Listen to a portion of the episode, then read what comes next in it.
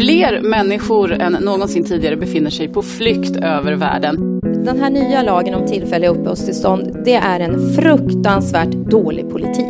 Och vi kräver stoppa utvisningarna till Afghanistan.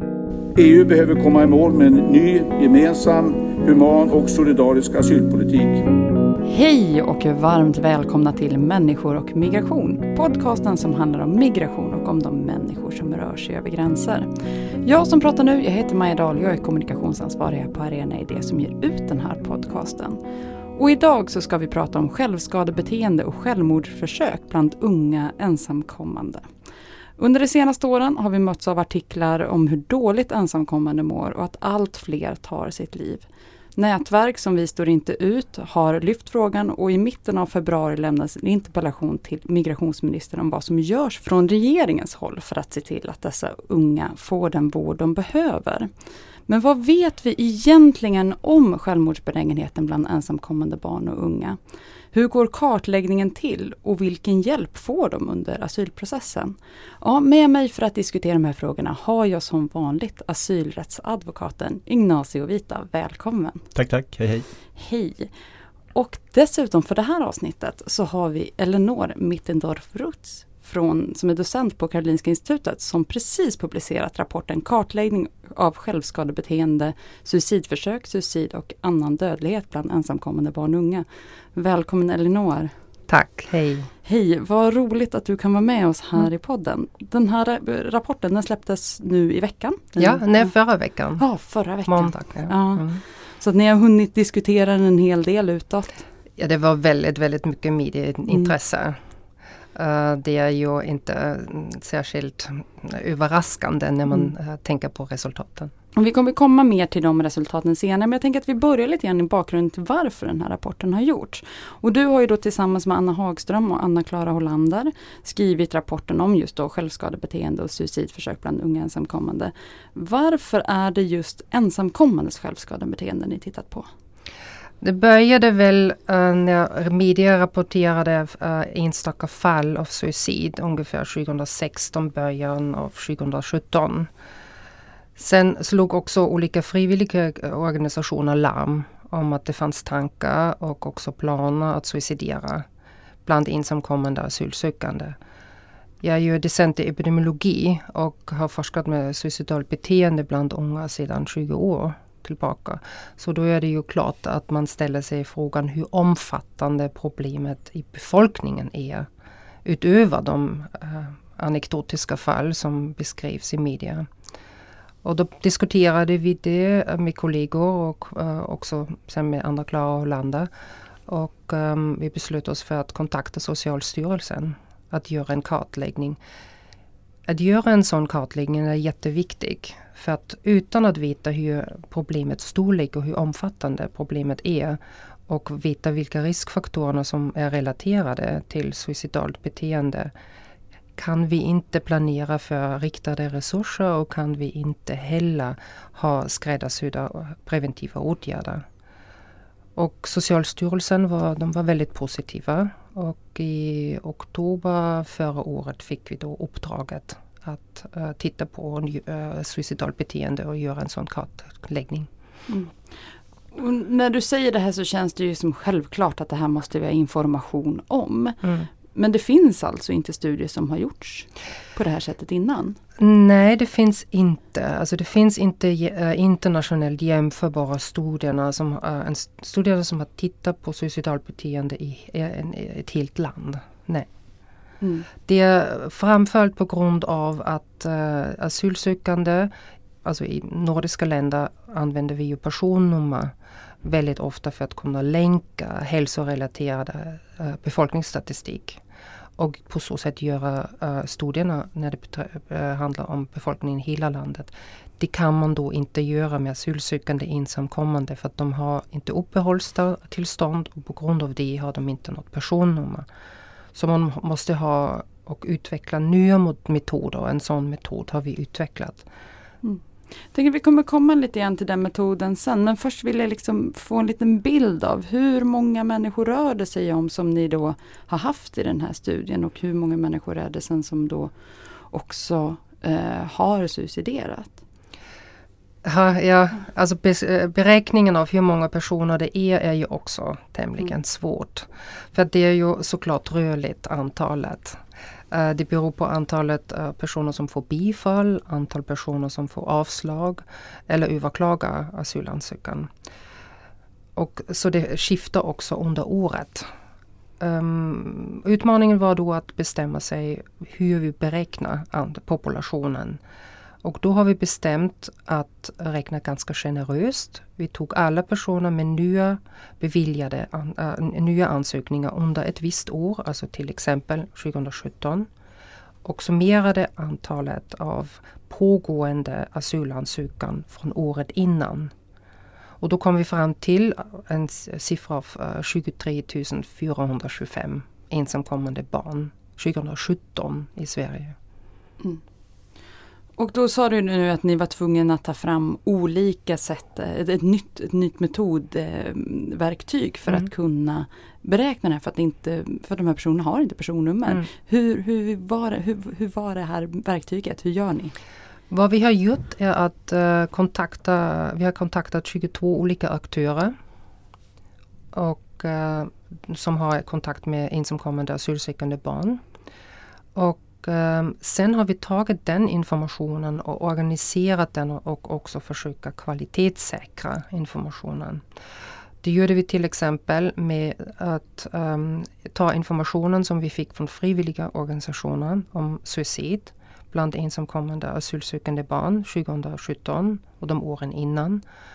Och gick med den informationen till Rättsmedicinalverket som i sin tur verifierade den uppgiften. Så de, uh, den informationen som vi ursprungligen uh, fått in var ju uh, antalet personer som dog. De här kunde ha också dött på, något annat, på grund av något annat dödsorsak. Men Rättsmedicinalverket har då verifierat de 12 suicidfall som vi sen identifierade i den gruppen. Mm. Och som jag sa då inledningsvis så har det pratats ganska mycket om att just ensamkommande barn och unga mår allt sämre. Och i er rapport eh, så har ni tittat på hur många som då begick självmord under 2017 och hur pass mycket det skiljer sig från unga i Sverige i stort. Hur pass mycket större är risken att en ensamkommande tar sitt liv? Det är väldigt infödd? mycket större. Det är det. Kan ja. man sätta någon siffra så att man liksom kan förstå? För att kunna jämföra uh, olika populationer, alltså Populationen i Sverige är ju väldigt mycket större än populationen ensamkommande. Har man en vana inom epidemiologi att man räknade per 100 000 personer. Och då kom vi fram till att det var 51,2 eh, per 100 000 personer bland de ensamkommande asylsökande barn 2017. Barn och unga får man nog säga, det var mellan 10 och 21 år gammal. Och den siffran var 5,2 per 100 000 2016. För 2017 fanns inte den befolkningsstatistiken än. Mm. Så det betyder att det är nästan tio gånger högre. Och uh, eh, 51,2 per 100 000 är även internationellt sett ett väldigt högt suicidtal. Alltså självmordstal. Det finns knappast någon land som har, något land som har så höga tal. Då måste man titta på specifika riskgrupper. Mm. Att man hittar så höga suicidtal. Och viktigt är att tillägga att som jag nämnde tidigare har vi beräknat populationen väldigt generöst. Om vi skulle ha räknat bort alla som också någon gång har fått bifall eller avslag och inte på grund av det inte var asylsökande längre skulle suicidtalet vara ännu mycket högre. Mm. Kan man, finns det, du sa att om man tittar på andra riskgrupper så, så är även där jämfört är det, är det högt. Vilka riskgrupper skulle det kunna vara som man kan se? Till det finns uh, några studier om till exempel den indigena befolkningen i Alaska eller Kanada. Um, även andra riskgrupper, oftast grupper som är väldigt utsatta som även ensamkommande asylsökande barn är. Ja. Um, rapporten lyfter då också då olika faktorer som påverkar då den psykiska ohälsan och ni har delat upp det i pre-migrationsfaktorer, migrationsfaktorer och postmigrationsfaktorer. Kan du beskriva liksom mer vad som faller inom de här olika -hmm, faktorerna? Mm -hmm, mm -hmm. Premigrationsfaktorer är alltså, är alltså faktorer innan migrationen. Det kan vara upplevelser av krig och trauma, alltså upplevelser också av socioekonomiska svårigheter i hemlandet. Migrationsfaktorerna är faktorer som händer under resan, under själva migrationen. Även där kan det vara traumatiska upplevelser till exempel. Eller också svåra förhållanden i, ja, i olika um, läget som, som man um, vistas i innan man kommer till mottagande landet. Postmigrationsfaktorer är faktorerna som är relaterade till livet i mottagningslandet, alltså i det fallet i Sverige. Och då är det ja, hur man läser språket, också om man upplever diskriminering till exempel. Mm. Och själva asylprocessen, ingår den Själva i? asylprocessen skulle det också vara en postmigrationsfaktor. Um, ja, alltså allt som, som pågår, även ackulturation, det är ett begrepp som vi använder när man tar till sig uh, också skillnader i kulturen i mottagningslandet. Mm. Eh, Ignacio, du har jobbat som asylrättsadvokat och du har ju mött de här personerna under då just asylprocessen. Eh, kan du beskriva liksom hur de unga som du mött mår under, under den perioden? Eh, det enda ärliga svaret är nog nej. Att jag inte kan veta exakt eh, hur de mår. Jag tänker att om man bara går tillbaks till sig själv när de frågar en hur man mår och så ska man beskriva det om man är lite låg för sina vänner eller någon så blir det oftast ganska svårt att förmedla det man faktiskt känner. Man kanske säger att man känner ångest men den personen har en helt annan uppfattning om vad det är. Och bara där, liksom att, att bara formulera någonting liksom intellektet kring hur man mår. Redan där så förlorar man ju så mycket av kommunikationen. Och, eh, och också allt det här som vi människor har för oss, att vi liksom inte vill visa oss sårbara, vi vill vi vill visa oss starka, vi vill inte eh, vara till belastning för människor och så vidare. Hämmar ju också liksom möjligheten att faktiskt uttrycka hur man faktiskt mår. Vilket gör det än svårare att uppfatta hur människor i ens omgivning mår. Och det är klart att de afghanska ungdomarna är precis som vi på det, i det planet. De kommer till ett advokatkontor och de vill inte vara till besvär. De vill inte överdriva det de har varit med om.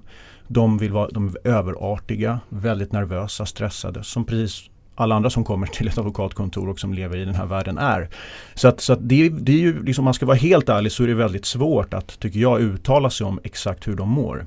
Ehm, och som advokat så är det ganska viktigt att försöka få en bild av hur ens klient mår. Eh, för att man vill ju gärna förmedla till Migrationsverket eh, om den här personen har några liksom större besvär. Och, och det, det, är ett, det är ett väldigt, väldigt svårt, eh, svår uppgift för ett offentligt biträde som har ungefär ett möte på två timmar innan Alltså mötet inför själva asylutredningen som är på två timmar. Att försöka få en bild hur den här människan egentligen mår när den många gånger är också väldigt kortfattad i sina svar eh, och vill inte prata särskilt mycket överhuvudtaget. Eh, det skulle jag säga liksom är ett, ett, inte ett generellt drag men det är många eh, som, som, eh, som tycker jag uppvisar den, den, den, typen av. Och det jag brukar göra det är liksom att jag försöker på något sätt vara i kontakt med mig själv och känna av var den här människan är någonstans. Eh, och eh, det är liksom det en, för går man in för mycket i advokatrollen och eh, ställer massa här, automatiska frågor då får man sällan några liksom, genuina svar. Eh, och, men att göra det är ju också ganska jobbigt och man, man försöker känna av vilket många gånger också är väldigt svårt. Eh, så det, det, är den ena, liksom, den ena sidan av, av det svaret skulle jag säga. Om jag, om jag liksom ska, ska gå till mig själv och, och verkligen försöka svara på frågan hur, hur, mina klienter har mått. Jag har träffat väldigt många afghanska ungdomar eh, sedan 2014-2015. Eh, den andra sidan är ju att vi vet att Afghanistan är ett av de absolut farligaste länderna för barn eh, i hela världen. Eh, det är eh, barn befinner sig från födseln egentligen i väldigt svåra situationer oavsett vad man har varit med om. Även om man inte har rekryterats till talibaner eller varit med om stridigheter, sett sin pappa blir halshuggen eller vad det nu är som många bevittnar. Även om man inte har upplevt något av det där så har man oftast upplevt våld i hemmet. Eh, kvinnors rättigheter är också väldigt, väldigt svåra i Afghanistan. Eh, tvångsarbete. Eh, olika former av saker som vi i väst skulle betrakta som liksom trauman på trauman på trauman under hela uppväxten. Så att det är liksom människor som borde må väldigt dåligt. Mm. Eh, och i, i er rapport så, som är, väldigt intressant att läsa så, så såg jag att i, i, Uppsala hade man gjort någon screening vid något tillfälle. Där man kom fram till att ungefär 76% av de som man screenade hade PTSD. Som kan vara ett väldigt allvarligt tillstånd. Och det är posttraumatiskt, posttraumatiskt stressyndrom. Precis. Så att i, egentligen borde man liksom utifrån ett västerländskt perspektiv i alla fall tänka sig att de här människorna bär på så mycket trauman så att de utgångspunkten är nog att de mår eh, liksom väldigt dåligt i någon mening. Eh, sen, sen är det svårt att liksom veta exakt den här personen hur den upplever och vilka individuella förmågor den personen har att, att hantera sin situation. Men, men eh, ja, jag, liksom en, en, det är nog så, så mycket jag tror att jag kan säga egentligen. Jag tror du sammanfattade väldigt eh, väl. Det vi såg, och det kan jag gärna tillägga, att de personer som uh, tog sitt liv då 2017 hade upplevt, alla hade upplevt traumatiska upplevelser. Um, och några exempel har jag redan gett uh, men det var också att uh, många hade ingen eller kort skolgång. Många hade upplevt uh, också trakasserier under resan men även redan i hemlandet. Så det är många, det, jag tycker det är väldigt bra som du uttryckte det, att det är trauma efter trauma efter trauma. Mm. Kan man dela upp, nu, ni har ju ändå delat upp de här migrationsfaktorerna liksom, ja, som vi sa då, liksom, det är pre, det är migrationsfaktorer, det är postmigrationsfaktorer. Och nu har ni lyft en del grejer, det är saker som händer eh, i hemlandet som gör att du faktiskt flyr från första början och sen sker det saker längs flykten och sen kommer du fram och så går du igenom den svenska asylprocessen liksom, och hur det funkar. Kan man liksom säga någonting om, om vad det är som får, alltså så hur, hur viktas de här olika grejerna, vad det är som påverkar det slutgiltiga måendet? Har ni tittat någonting på det? Alltså vad det är som verkligen påverkar att de här personerna mår så pass dåligt och mår så pass mycket sämre än infödda svenskar? Studien har inte tittat på orsakssamband. Så det kan jag inte uttala mig om. Mm. Vad vi har tittat på är att beskriva de um, egenskaper och de, person, de händelser personen har varit med om. Då var det traumatiska händelser var um, något av de exempel. Uh, alla som har suiciderat var män, unga män. De kom uh, från Afghanistan. Och um, vad man också kan se att, um, och, och uppenbar, vad som är uppenbarligen är också, är att um, de har ju kommit utan vårdnadshavare, det är ensamkommande asylsökande barn. Och det vet vi också från tidigare studier och det passar väldigt väl ihop med uh, anknytningsteorier och även teorier om uh, livsloppsperspektiv. Uh, jag själv uh, med kollegor kunde visa flera gånger att om man har förlorat en förälder har man en högre risk för suicid än de personer som inte har det och har man förlorat en förälder mycket tidigt i livet är risken ännu högre än om det händer senare. Så den här tidiga utsattheten är väl en väldigt stark faktor. Men studien alltså, en gång till, har inte tittat på vilka faktorer har vilka betydelser. Mm. En, en eh, liksom aspekt som jag har funderat på det är också att det finns ett um, väldigt stort, en stor stigmatisering kring psykisk ohälsa. Eh, som, som jag, jag kan jag har varit många gånger i situationer där jag har försökt få min klient att ta emot hjälp. Att ta emot hjälp från barn och ungdomspsykiatrin eller träffa en terapeut. Och, och där, där liksom reaktionen väldigt ofta är att jag är inte galen. Eller jag är inte, så att jag tror också att bilden av psykisk ohälsa gör också att väldigt många som kanske är i behov av hjälp är svårt att, att få hjälp. Eh, och eh, även om, om man liksom förklarar att man själv har gått i terapi eller hur liksom mina, till exempel mina föräldrars flykt har påverkat mitt mående. Alltså på olika sätt försöker nå personen så kan han förstå väldigt mycket av det man säger och ibland kunna till och med relatera till det. Men så fort man talar om terapeut eller psykolog eller psykiatri så, så blir det liksom en koppling till någonting som, som inte är normalt eller som är, är och, och, att det eh, kan jag tänka mig också gör att, att liksom, eh, utsattheten blir än större. Mm. Definitivt. Det, det, det, tror jag också. Sen kommer ju till att även om man skulle söka hjälp eh, kommer ju också andra problem till. Första språkbarriären såklart ett problem när man försöker söka hjälp för psykiska sjukdomar. Men ett annat problem kan ju också vara att uh, inte alla personer som jobbar inom hälso och sjukvården i Sverige har kunskap om transkulturell psykiatri och transkulturell psykologi. Symptomen kan se annorlunda ut och kan uttryckas annorlunda. Just det, eller delvis också på grund av stigma som du, som du nämnde. Och, och det är verkligen eh, också väldigt tydligt hos Migrationsverket framförallt efter 2015 där man ju anställde väldigt många människor eh, som fick hantera eh, många av de här barnärenden som saknar utbildning och kunskap i hur man ska hantera människor som är, som är traumatiserade. Och många gånger har jag upplevt att man nästan utreder barn som om de vore vuxna. Eh, och som om, som om de eh, inte hade de här, de här traumatiska upplevelserna bakom sig. Och det kräver ju ganska avancerad liksom, utbildning för att kunna nå en människa och kunna dels få människan att berätta vad de har varit med om men också biten kring, kring hälsan. Eh, oftast ställer man frågan hur du mår och säger man jag mår bra och ungefär där så stannar liksom samtalet om, om hälsan. Vilket mot bakgrund av vad vi vet hur barns förhållanden är i Afghanistan är, är ganska konstigt att det stannar där. Eh, så det, det är liksom att eh, både och. Det är svårt för dem att uttrycka sin utsatthet och förmedla sin utsatthet. Och det är, eh, finns liksom problem kompetensmässigt i, i hur mm. man fångar upp just den specifika formen av utsatthet som de har. Mm, det är bra att du nämner det för att jag tänker att också för personal som jobbar till exempel på Migrationsverket eller på andra uh, myndigheter som är i kontakt med ensamkommande asylsökande barn så, som uppenbarligen mår dåligt är det ju också väldigt svårt om man inte har en utbildning att prata med en människa i en kris. Då kan man ju inte heller ta emot de känslorna som kommer och som väcks när man eh, får frågan. Det måste man ju också kunna härbärgera och kunna hjälpa personen i en situation. Om man inte är tränad i det är det ju väldigt svårt. Och förmodligen också associerat med en hopplöshet för att man ser att man inte kan hjälpa en annan medmänniska. Och det, det har ju också med, med den här tidsaspekten, alltså att Migrationsverket har haft ett väldigt högt krav på att man ska ha ett antal eh, beslut per, per arbetare och man, man har förkortat tiden för asylutredningen och så vidare. gör ju också att man, man går inte ens in så mycket på de frågorna. För, för vad, vad händer om det här barnet plötsligt börjar berätta om hur det faktiskt mår?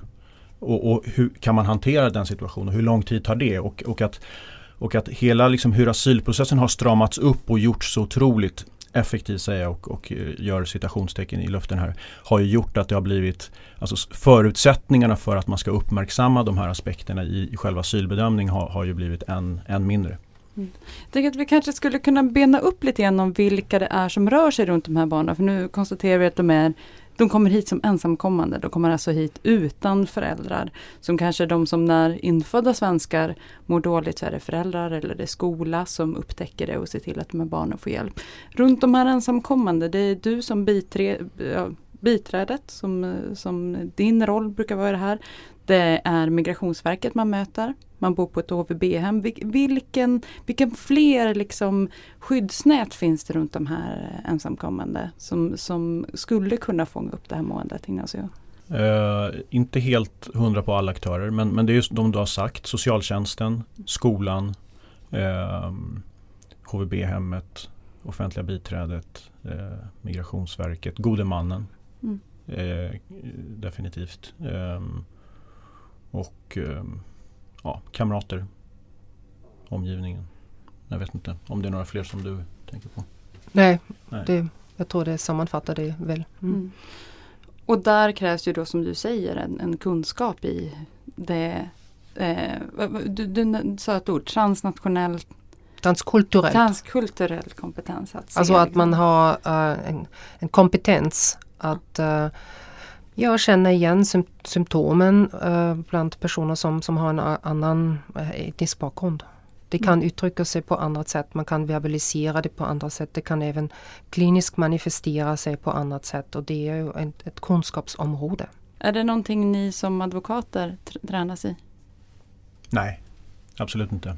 Utan eh, eh, nej, nej det, det, det, gör vi inte. Däremot så kan man ju utveckla det med tiden. Eh, men, eh, men jag tror tyvärr också att vi inte är särskilt bra på att eh, upptäcka det och vi har inte den utbildningen och det är kanske heller inte vår roll i första hand. Även om Även om det har en juridisk ganska stor relevans om personen i fråga har en allvarlig liksom, psykisk utsatthet, definitivt. Och, och jag, jag, skulle säga att det är en brist genom hela asylprocessen att, att den inte har liksom, garantier för att eh, snappa upp den här utsattheten eh, och integrera den ordentligt i asylbedömningarna. Eh, som jag sa tidigare så, så ställs väldigt få frågor kring det och när det kommer upp någonting så tycker jag att man är väldigt snabb på att säga så här, men du, då får du uppsöka vården och komma in med ett intyg. Och så går man vidare till asylskälen, att det är det som, är, eh, som är, blir, blir liksom det avgörande. Samtidigt som den vården är oftast ganska bristfällig. Eh, och än en gång, alltså det här med stigmatiseringen kring psyk psykisk ohälsa. Jag upplever att den även finns i Sverige i väldigt stor utsträckning. Alltså där om vi pratar om, om liksom fysiska skador har ju ett mycket, hög, mycket högre status som man kallar det för i asylprocessen än psykiska skador. Det är mycket svårare att bevisa psykiska skador och de anses liksom inte vara eh, lika betungande för individen. Och jag bara relaterar till liksom när man själv ringer till jobbet och säger att man Eh, att man har lite feber och då kan man inte gå till jobbet. Det är helt okej. Okay, liksom. Men om du ringer och säger att du är lite nere så är, så är det ju aldrig liksom accept, accepterat som ett skäl till att inte att gå till jobbet. Alltså att det finns liksom redan även här en, en liksom, eh, nedvärdering av, av, av, den psykiska hälsan. Vilket gör att, att det liksom inte får, får eh, och det är både vi som advokater och andra liksom bidrar till på, på, eh, på olika sätt. Ehm, det tror jag. Mm. Eh, jag vill bara säga också att jag tror, så här, det, det är lätt att vara kritisk mot Migrationsverket och socialtjänsten och, alla de här aktörerna som, som inte har den här kompetensen. Samtidigt tycker jag att man måste vara ödmjuk inför det faktumet att Sverige faktiskt inte är vana vid att ta emot människor med de här, under de här omständigheterna som, som de här ensamma afghanerna kommer. Eh, alltså, vi är vana vid att väldigt många av de som kommer har kanske släktingar, de känner människor, det finns organisationer, kulturföreningar. Alltså det finns ett nätverk runt om när människor kommer till Sverige som gör att de på något sätt också blir omhändertagna i någon mening. De har kontakt med sina familjer, de kanske skickar tillbaks pengar till sina familjer. Väldigt många av de afghaner jag har träffat, de har ingen kontakt med sin familj. De har ingen kontakt med farbröder, morbröder. De får frågan Har du släkt kvar i Afghanistan? Antingen säger de nej eller så säger de jag, jag vet inte, vi har tappat kontakten för väldigt många år sedan. Det finns liksom en, en social och familjestruktur kring, kring många av de som kommer hit som vi är väldigt ovana vid att, att faktiskt hantera. Och det är därför den här rapporten är så otroligt viktig och annan liksom informations, alltså kunskapsbildning kring just den här gruppens specifika omständigheter. För det kom ju som ni har skrivit som vi vet 35 000 ensamma afghaner hit och väldigt många av dem får ju stanna i Sverige. Och eh, vi behöver liksom en, en inse att det där är någonting som kommer kräva resurser, insatser och mer kunskap för att kunna, kunna hantera eh, den gruppen på ett, på ett sätt som gör att de faktiskt kan bli en del av, vår, av vårt samhälle. Mm. Jag tycker det är väldigt viktigt att du nämner det för att uh, det vad vi såg i rapporten är att uh, det finns otroligt många människor som är extremt engagerade i, som jobbar i olika myndigheter eller jobbar med speciellt frivilliga organisationer, privatpersoner. Otroligt många människor har hört av sig till oss och är engagerade i att personer mår, mår väl och att, att, att vi vill, vi lösa den situationen. Så det, det, måste man betänka att alla de människorna som, som jobbar med, med, med dessa barn i skolor eller på Migrationsverket eller senare på Arbetsförmedlingen eller ja, det finns en lång lista av uh, olika aktörer här. De alla, alla, alla flesta gör ett fantastiskt jobb. Och då, vi, vi var inne lite grann på det inledningsvis men att det liksom inte finns en sån här studie sedan innan. Så det finns ju heller kanske ingen kunskap att basera på att, att, att ha i ryggsäcken när man då möter de här unga. Um, men samtidigt så pratar man om att de mår allt sämre. Ni har ju haft kontakt med, som jag förstår det, Vi står inte ut och de organisationer som har drivit den här frågan väldigt starkt. Kan man säga som de gör att de här unga mår allt sämre nu? Alltså i vår rapport uh, är det svårt att säga det med, med, med säkerhet. Vi har sett att ehm, um, vårdkonsumtion på grund av uh, suicidtankar och suicidförsök och självskadebeteende har stigit i, med, åtminstone uh, beroende på statistiken vi har från barn och ungdom, ungdomspsykiatri i Stockholm. Vi har också sett att de eh, uh, 14 stadsdelsnämnder som uh, skickade information om de suicid, fall av suicidförsök, suicid och självskada som de vet om. Att, de har, att de um, um, händelser har också stigit från 2015 till 2017. Men man måste lägga till att problemen har fått mer och mer uppmärksam, uppmärksamhet över tiden. Så det är förmodligen också så att det rapporteras in mer, folk söker mer hjälp. Så det finns en viss uh, antydan, ja. Men uh, med helt säkert kan man inte det säga på grund av vår rapport. Och som du säger, det finns inte några andra jämförbara undersökningar. Det i sin tur är inte något motbevis att andra människor säger att de, har, de upplever att personer, många personer mår allt sämre. Mm. Jag pratar nu i min roll som forskare som pratar om rapporten. Ignacio, du som då möter de här unga och har mött dem under en lång tid. Eh, hur tänker du när, när liksom man pratar om att de mår allt sämre? Mm. Och vad du kan, kan du se liksom, om det finns något speciellt som, som har förändrats den senaste tiden? Alltså, först och främst skulle jag vilja säga att det finns ju otroligt många afghaner som är extremt starka. Som har en enorm liksom, drivkraft. Som pluggar, som lär sig svenska otroligt snabbt, som har liksom kommit in på alla möjliga sätt, som får mycket hjälp av frivilligorganisationer och som är liksom ett, ett fantastiskt, liksom, eh, ja de är fantastiska helt enkelt. Så en väldigt stor del av dem skulle jag säga har jag upplevt när jag träffar dem är så. Framförallt såg man det väldigt mycket innan 2015. Alltså innan de här lagändringarna började komma, eller när den kom, så att säga, 2016 egentligen. Då började, tycker jag, allt fler av dem man träffade må allt sämre. Och det har ju delvis, tror jag, eller jag tror att en bidragande faktor har ju varit den enormt långa handläggningstiden. Att man inte vet när man ska få beslut.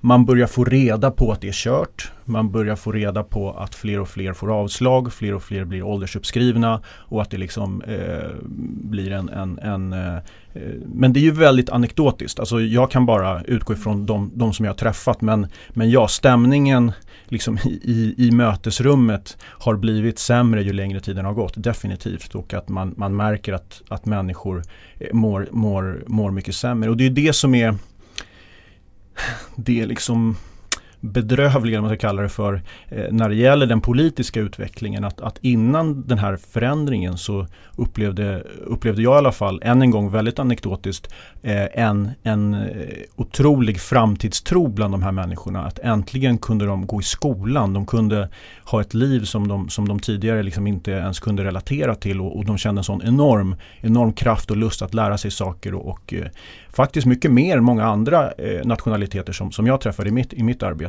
Men och hur liksom vilken kraft och vilken enorm resurs det är i relation till vad som händer efter den här politiska utvecklingen där allt mer blir, blir en, en mycket tyngre och mycket svårare och man liksom berövar de här människorna den här, den här liksom livs, livskraften på, i någon mening. Eh, så att jag, jag kan verkligen förstå de som känner att fler och fler mår dåligt.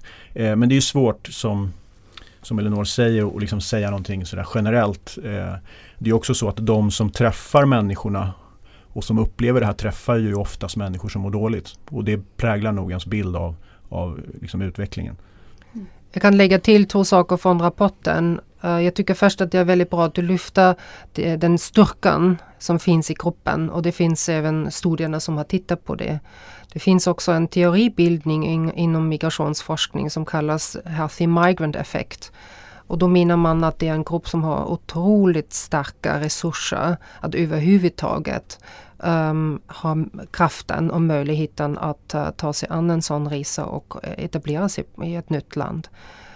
Så det måste man också mm. avväga såklart, som du nämner. Um, en annan association var att uh, de 12 personer som har tagit sitt liv, som var ensamkommande asylsökande barn 2017, de hade alla sökt asyl 2015. Och de allra flesta av dem har också var, väntade fortfarande på beslutet. Mm. Så de hade väntat väldigt länge då? Ja. ja.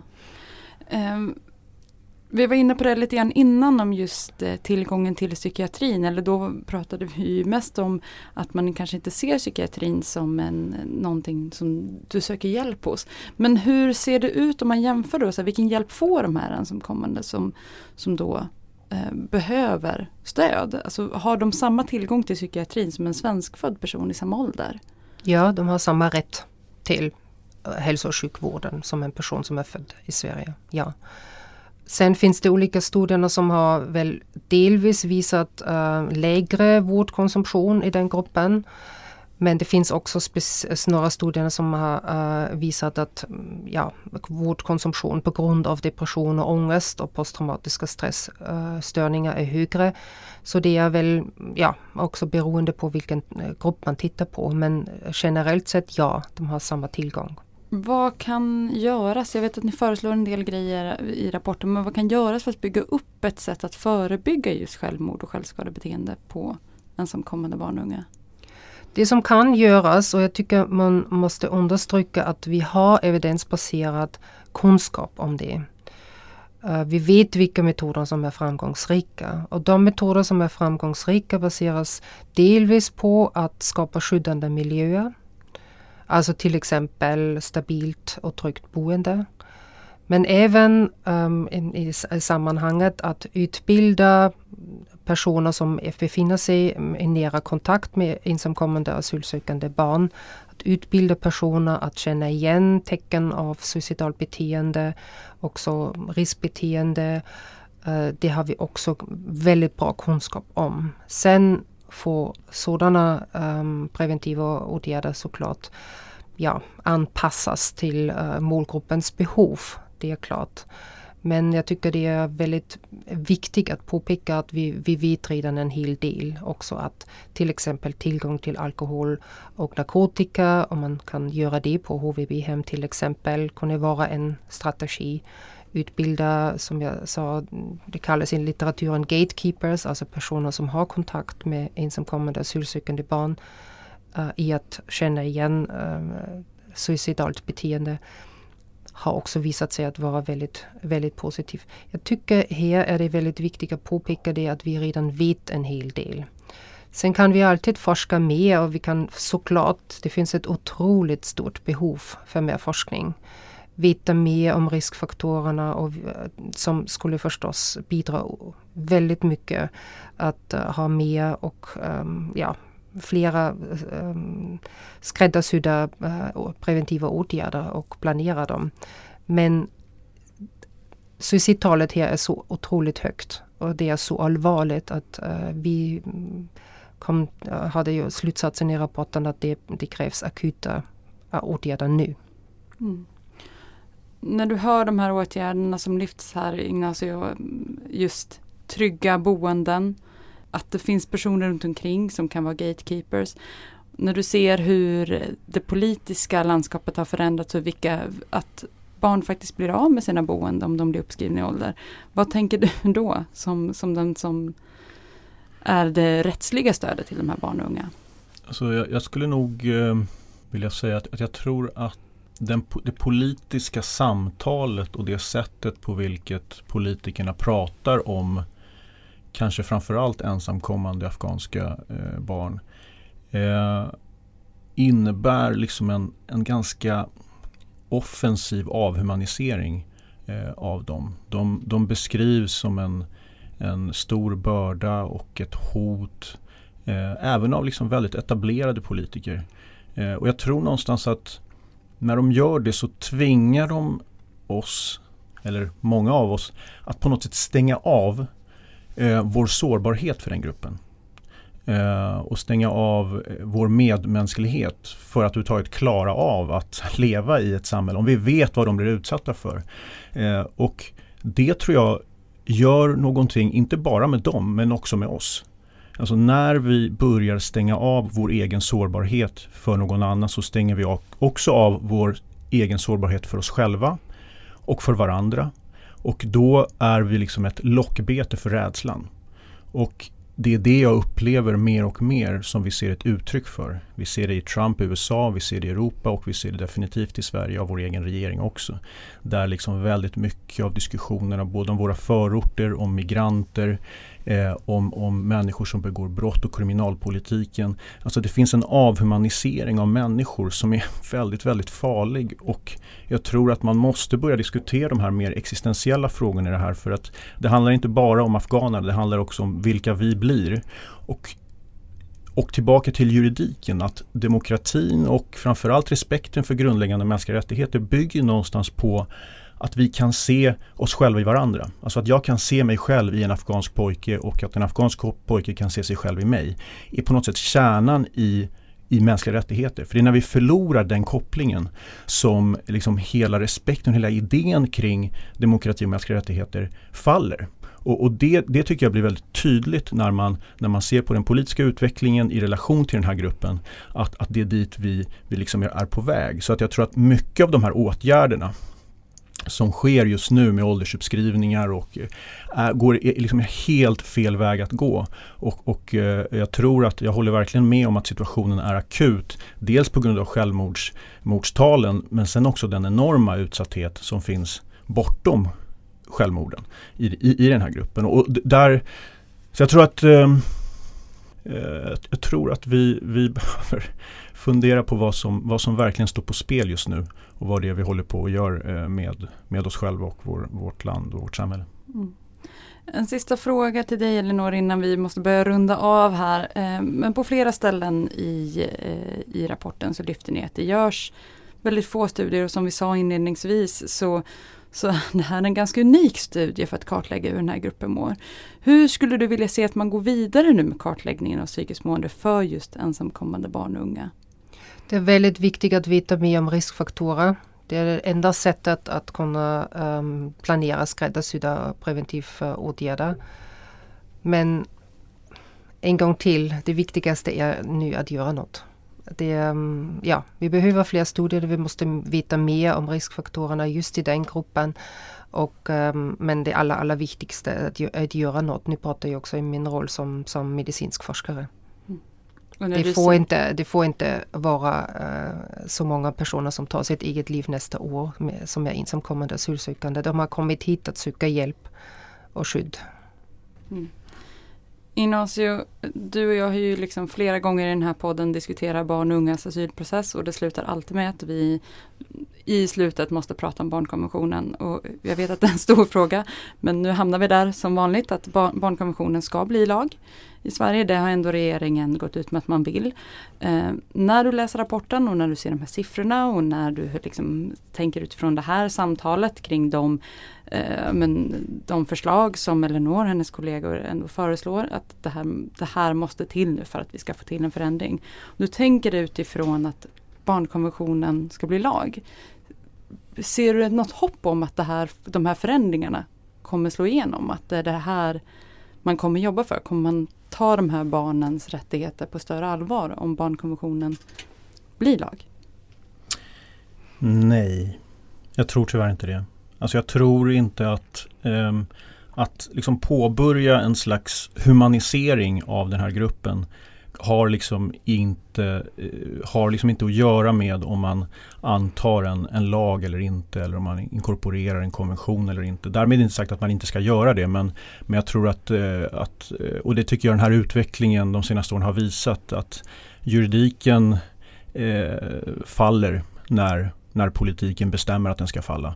Och de principer som tidigare ansågs gälla eh, har slutat att gälla.